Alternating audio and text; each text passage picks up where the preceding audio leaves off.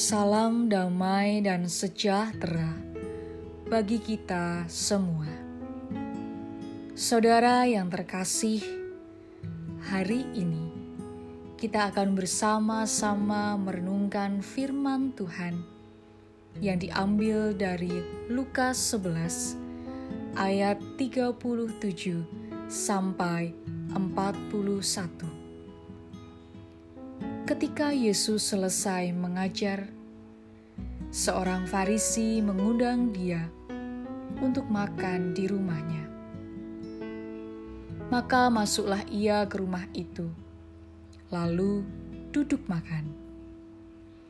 Orang Farisi itu melihat hal itu, dan ia heran karena Yesus tidak mencuci tangannya sebelum makan. Tetapi Tuhan berkata kepadanya, "Kamu orang-orang Farisi, kamu membersihkan bagian luar dari cawan dan pinggan, tetapi bagian dalammu penuh rampasan dan kejahatan." Hai orang-orang bodoh, bukankah Dia yang menjadikan bagian luar? Dia juga yang menjadikan bagian dalam.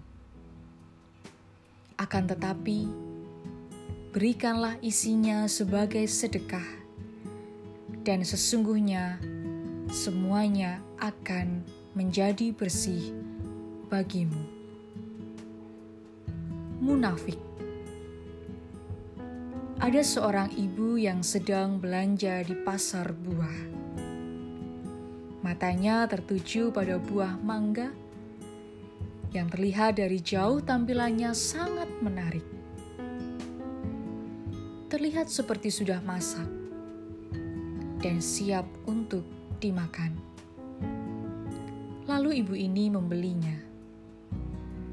Setelah sampai di rumah, ia mengupaskan mangga itu untuk anaknya. Dan ternyata buah mangga itu busuk dalamnya tidak sesuai dengan tampilan luarnya yang sangat menarik. Kecewalah ibu itu. Saudara yang terkasih, gambaran mangga itulah yang juga dikritisi oleh Yesus kepada orang Farisi. Mereka orang-orang yang munafik.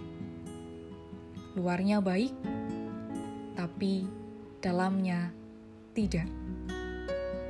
Mereka terlihat taat aturan. Dalam beragama sangat baik.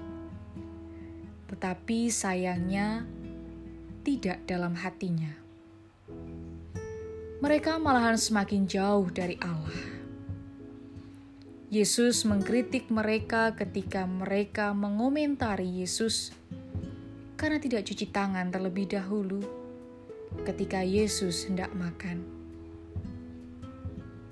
Karena dalam aturan dan tradisi nenek moyang mereka adalah cuci tangan sebelum makan. Yesus berkata, "Kamu orang-orang Farisi, kamu membersihkan bagian luar dari cawan dan pinggan." tetapi bagian dalammu penuh rampasan dan kejahatan.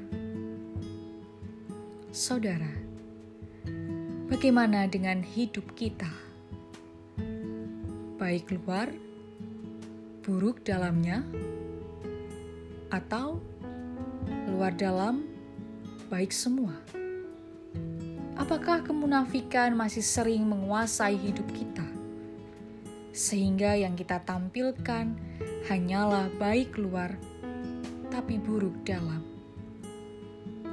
Terlihat peduli, tetapi hanya sebagai tampilan belaka yang dalam hati hanya mencaci maki.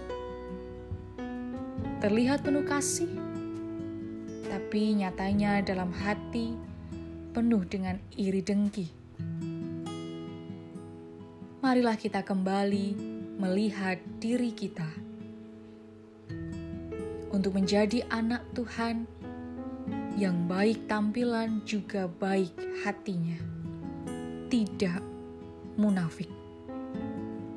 Karena Allah menghendaki kita menjadi anak Tuhan yang jujur dengan kehidupan. Selamat berefleksi.